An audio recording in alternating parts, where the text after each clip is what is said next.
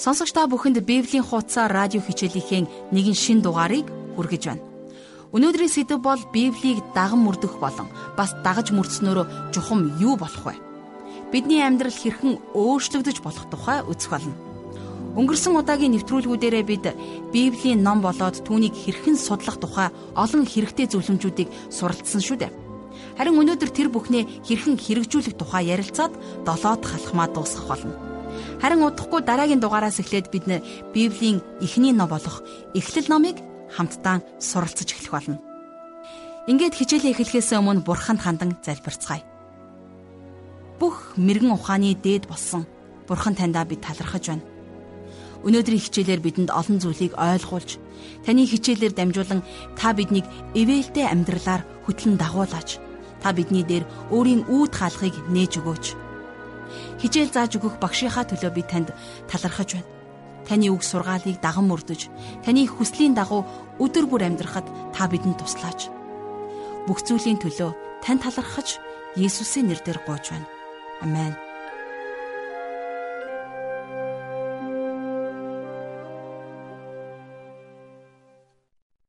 За бид бүхэн Библийг уншихдаа юу юу анхаарах талаар ярилцж байгаа.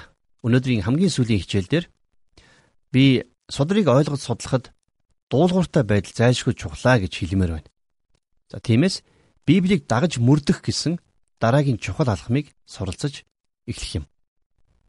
За Авраамийн жишээг энд татаж болж байна.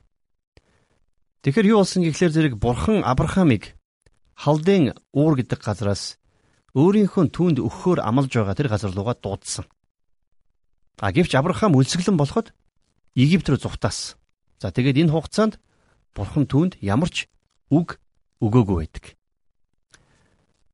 За тэгэд үлсгэлэн дуусаад Авраам эргэж явсан ч гэсэн бурхан түүнд үзэгдээгүй. Яагаад? Яагаад гэвэл Авраам дуулуургүй байсан болохоор. Тэгэхээр Авраам бурхны түүнд аль хэдийн илчилсэн зүйл дуулууртай байх хүртэл бурхан түүнд ямар нэгэн шин үннийг таниулаагүй байна. Тэгэхээр бид нэр дуулууртай дагах үед Бурхан бидэнд шин үннийг нээж өгдөг юм. Бидний сүнсийг аврахаар өгөгдсөн сайн мэдээ хүртэл дуулууртай байдлын төлөө бидэнд өгөгдсөн. Сайн мэдээний талаар бичигдсэн хамгийн агуу баримт бол Паулийн Ромчуудад бичсэн загтал байдаг. Паул сайн мэдээг энэхүү дуулууртай байдлын төлөө өгсөн гэж энд бичсэн байна. За тэр ингэж эхэлдэг. Бид түүний нэрийн төлөө бүх харь үндэстний дунд итгэлийн дуулууртай байдлыг бий болгохын тулд түүгээр дамжуулан нэгүүлсэл болон элчийн үүргийг хүлээн авсан билээ гэж. За Ромчууд бичсэн загтлын 1-р бүлгийн 5-р ишлэлдэр ийхүү гардаг. За тэгэд төгсгөл хэсэгт нь бас Паул дахин үүнийг дурдсан. За энэ дээр ингэж бичсэн байгаа. Тэр нууц нь идэвхтэй илэрхий болж мөнх бурхны тушаалын дагуу иш үзүүлэгчдийн судруудаар дамжин бүх үндэстэнд мэдэгдэн тэд нар итгэж дуулууртай дагах болсон юм а гэж загтлынхын хамгийн төгсгөлийн бүлэг 16-ийн 26 дээр бичсэн байна. Тэгэхээр итгэлийн дуулууртай байдал бол Паулийн энэ загтал хэлсэн сүлийн зүйл. А тэгвэл энэ хоёрын дунд юу байгаа вэ? Тэр бидний өмнө сайн мэдээ гэж юу вэ гэсэн агуу сургаалын хэсгийг тавиад бидний хийх үүрэг хариуцлагын хэсгээр дуусгаж байна. Паул сайн мэдээг энэхүү дуулууртай байдлын үүднээс тэдэнд хэлсэн гэдгээ энд зөвхөн тэмдэглэсэн байна. Тэгэхээр бид нар итгэлдээ дуулууртай байх хэрэгтэй гэсэн үг. Тэр яг энэ зүйл дээр Адам Ева хоёр алдаа гаргасан юм.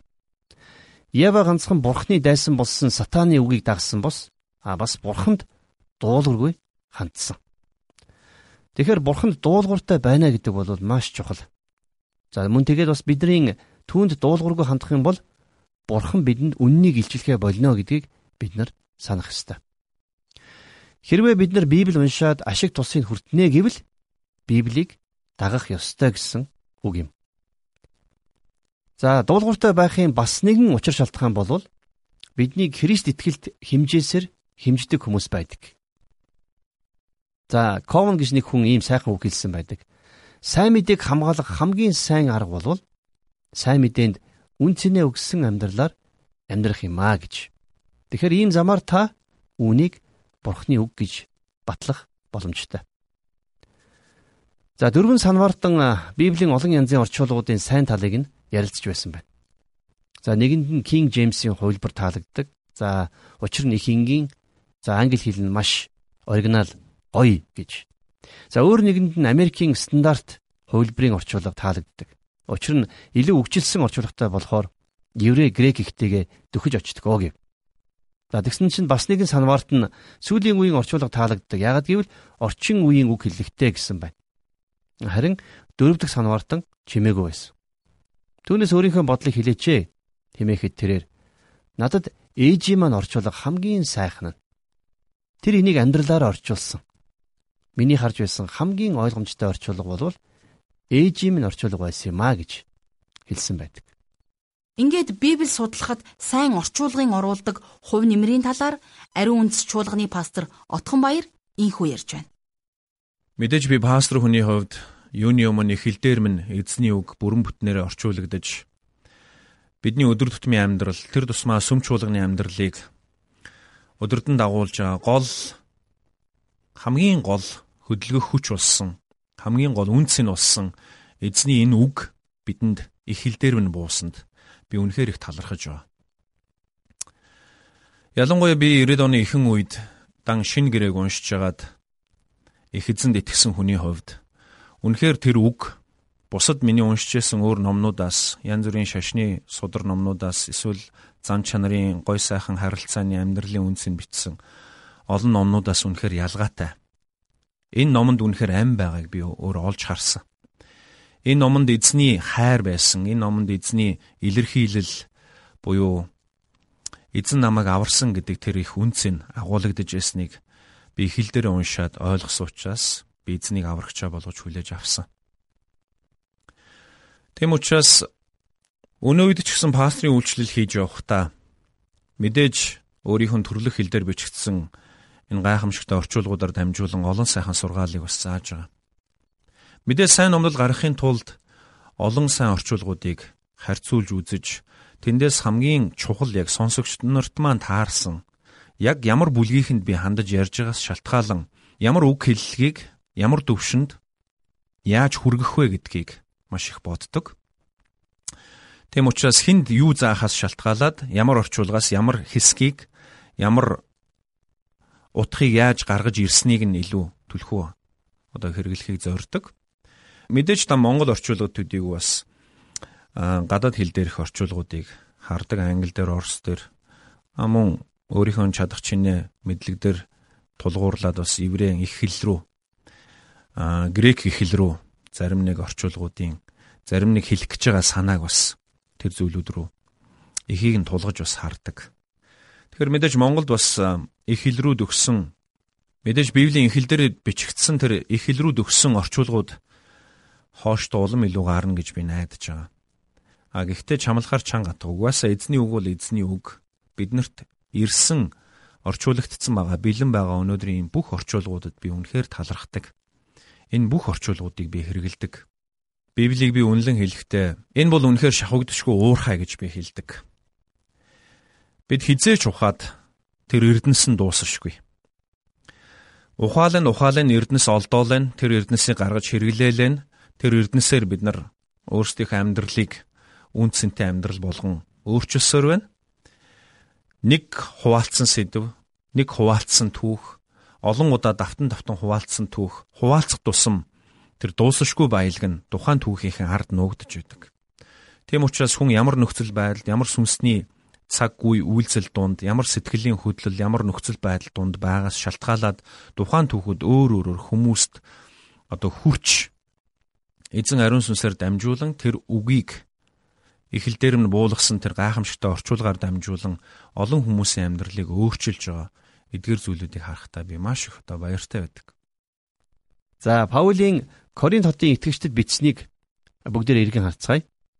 За 2 дугаар Коринтын 3-ын 2-оос 3 дээр ингэж бичсэн байна. Та нар бол бидний зүрхэнд бичигдэж, бүх хүнээр уншигдаж, мэдэгддэг захиа минь шүү дээ. Та нар бол бидний үйлчлэлээр Христийн захиа хэмээн танигдсан билээ. Энэхүү захиа бихээр бус харин амьд бурхны сүнсээр чулуун самбарт бус харин махан биеийн зүрхний самбарт бичигдсэн юм аа. Тэгэхээр энд нэгэн ийм үл мэдэгдэх зохиогчтой нэгэн ийм найрагл байна. Энэ хэсгээс нь би та бүхэнд иш татан уншия. Таны хийсэн үйлс таны хэлсэн үгээр сайн мэдээ нэг өдөрт нэг бүлэг бичигддэг. Хүмүүс таны хэлж байгаа үгээр итгэлгүй эсвэл үнэн болохыг уншдаг. Таныхаар сайн мэдээ юу вэ гэдгийг хэлнэ үү? За их сонирхолтой асуултыг энэ найрагл бидэнд тавьсан. За Библи дуулууртай хандах нь ямар чухал вэ гэж. Өнөөдөр харамсалтай нь Христ итгэл бусад хүмүүсээс гэхээс илүүтэйгээр итгэгчдээс болж илүү эвдэрч байгаа. За байгууллагуудыг эсэргүүцсэн бүх бослого жагсаалуудын нэг шалтгаан нь энэ юм. Нэгэн эсэргүүцлийн жагсаалд барьсан байсан зурагт хуудсан дээр дөрвөн үг байсан. Сүм хэрэггүй, Есүс хэрэгтэй гэж. За нэг нөгөө хэлэх юм бол цуглаанаас маш олон хүн өнөөдөр холдож байна. Хэдэн жилийн өмнө Английн нэгэн өмгөөлөгчөөс яагаад Христ итгэлтэй болоогүй талаар асуухад түүний хариулт нь юм байлаа. Хэрвээ би өөрсдийгөө Христ итгэлтэй гэж хэлдэг тэдгээр олон хүнтэй уулзаагүй байсан бол Христ итгэж болох байсан байж магадгүй гэж. Тэгэхээр ямар харамсалтай зүйл вэ? Бид нар энэ харилцаанд өөрсдийн амьдралаараа жишээ болох хэрэгтэй. Бурхны үгэнд дуулууртай байх ямар чухал юм бэ? Бурхан дуулууртай байх нь өөрт гэр бүлд нь Тэгээд цаашлаад улс гүрэн ард түмэнд нь ямар чухал болохыг өнөөгийн олон монголчуудын амьдралаас харж болох юм. Өнөөдөр харамсалтай нь маш олон хүн Библийг уншихгүй харин номлол сонсоод болоо мэд сэтгэдэг нь хамгийн том асуудлуудын нэг болоод байна. Бид нэр үг дамжуулдаг тоглоом шиг дандаа сонссон зүйлэл бусдад дамжуулаад байж болохгүй. Дуулууртай байдал бол биднийг Библийг бусдад дамжуулахад тусалдаг юм. Зөвхөн Библийг уншаад, судлаад, за бас бясалгаад, за мөн бас бусад хүмүүс Библийн талаар юу гэж бичсэнийг уншаа зогсохгүй. Харин үгийг бусдад дамжуулах нь чухал. Энэ бол бидний хийх ёстой хамгийн чухал ажил. За энэ чухал амьдралын талаар еврейчүүдэд загтал бичсэн хүн ингэж бичсэн байдаг. 10 дугаар бүлгийн 25 дугаар ишлэлдэр Ингэхдээ зарим хүмүүсийн зуршил болсон шиг хамтран цуглахаа болилгүй. Харин нөгөө өдөр ойртож байгааг харах тусмаа бие бие зоригжуулъя гэсэн байна. Тэгэхээр бурхан бид нарыг гэрч байгаарэ гэж хэлсэн. Тэрээр та нар гэрчлэгч нар байх болно гэж бас Үйлс номын 1-р бүлэг дээр хэлсэн байдаг. Тэгэхээр бурхан таныг эрдэмтэн юм уу эсвэл нэг юм явдаг нэвтрхий тол байгаарэ гэж хэлээгүү. Тэр биднийг бурхны үннийг өөрийнхөө тэмдэглэлийн дэвтэртээ булжлаарай ч гэж хэлээгүү. За тэгэхээр нэгэн хүн ингэж хэлсэн байдаг. Боловсрал бол профессорын тэмдэглэлийн дэвтрээс оюутны тэмдэглэлийн дэвтэр рүү ямар ч оюун бодлоор дамжилгүй шилжих үйл явц. За тэгвэл хэрвээ бид болгоомжтой байхгүй бол Библиэд хандах бидний хандлага бас ийм асуудалд орох боломжтой. Хэрвээ бид нар огтхонч хэрэглэж, огтхонч хуваалцахгүй бол Библи ямар ч үн цэнгүй болно гэсэн. Тэгэхээр бид нэр гэрч байхаар дуудагдсан. Тиймээс бид нар бусдад ойлгосныгоо мэдснийг энэ үннийг дамжуулах хэрэгтэй. Тэгэхээр би энэ хичээлийг Библийн сургууль сурж байгаа сурсан юм. За би таван найзынхаа адилаар нэгэн жижиг цуглаанд пастор хийдэг байлаа. Тэгээд бид нар төгсөх үедээ нэг зүйлийг ойлгосон байв. Бид нар бусад нөхдөөсөө наад зах нь нэг жилийн урд явах болно гэдгийг. Яагаад? Яагаад гэвэл бид нар бусдаасаа илүү ухаантай байсан болохоор. Үгүй. Учир нь бид нар өөрсдийн сурсан зүйлээ бусдад дамжуулдаг байсан. Бурхан өөр зүйлээс илүүгээр биднийг энэнд хандуулж чадсанд оршиж байгаа юм. Тийм учраас найз минь та сурсан үннээ бусдад дамжуул. За ингээд Бурхны үгийг уншихдаа дагах долоон үндсэн өдөрдмжийг та бүхэнд дахин дуудаж өгье. Библийг уншихдаа эхэнд нь залбирлаар эхлээрэй. Дараагаар нь Библийн анхааралтай унш.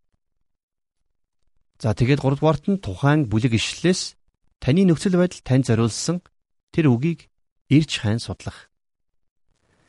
За тэгээд тэр судалсан үгээ тунгаан бясалгаж өөрийнхөө амьдралдаа дүгнэх. За тэгээд 5 дугаарт нь Библийн талаар бусад хүмүүс юу гэж бичсэнийг унших. Тэгээд уншиж ойлгосон зүйлээ дагах шийдвэрийг гарган хэрэгжүүлж эхлэх. За тэгээд хамгийн сүүлд нь буюу хамгийн чухал нь уншсан зүйлээ бусдад дамжуулах гэсэн алхмуудыг бид нэр суралцсан. За ингээд Библийг даган амьдрах таны амьдралд амжилт хүсье. Энэхүү долоон алхам нь хэрэгжүүлж эхэлсний дараа бидний амьдралд өдөр тутам маань байх эхний 6 алхам нь бидэнд өөрсөд маань зориулагдсан бол харин сүүлийн 7 дахь алхам бол бусдад дамжуулах гайхамшигтай арга юм. Израильд Галил гэдэг цэнгэг устай нуур а бас мөксөн тэнгис нэртэй давс тэнгист байдаг юм. Галил нуур бол олон голоос их авдаг а бас өөрөөсөө олон голыг салаалуулдаг цэнгэг устай нуур. Харин мөксөн тэнгис өөрөө авдагч нэгийг ч гаргадгүй тул амьд амтангүй давстай тэнгис юм. Хүн дотроо хайр инрэл баяр баясгаланг мэдэрч байхдаа хуваалцахгүй байна гэж юу байх вэ? Харин та бүхэн дараагийн дугааруудыг Библийн хичээлийг сонсох болгондоо энэ долоон зарчмыг амьдралдаа мөрдлөг болгож зүрх сэтгэлдээ тээж амьдраарай. Ингээд өнөөдрийн нэвтрүүлгийг хамтдаа дуусгаад Бурханд хандаж залбирцгаая.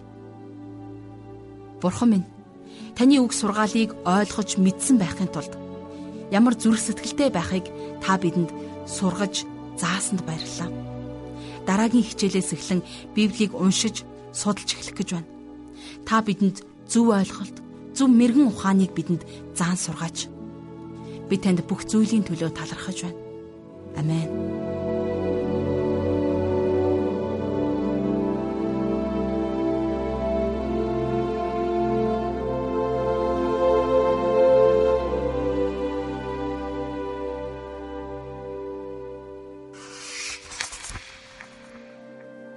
Сонсогч танд Библи ивэл төрийн бус байгууллагын захиалгад Библийн хуудасаар радио хичээл хүрлээ. Энэхүү хичээл маань даваагаас баасан гарагийн 14 цаг 5 минутаас танд хүрж байгаа болно. Та санал бодлоо 8983 1045 утсанд болон манай Библи хуудас @gmail.com цахим хаягт хандаж ирүүлээрэй.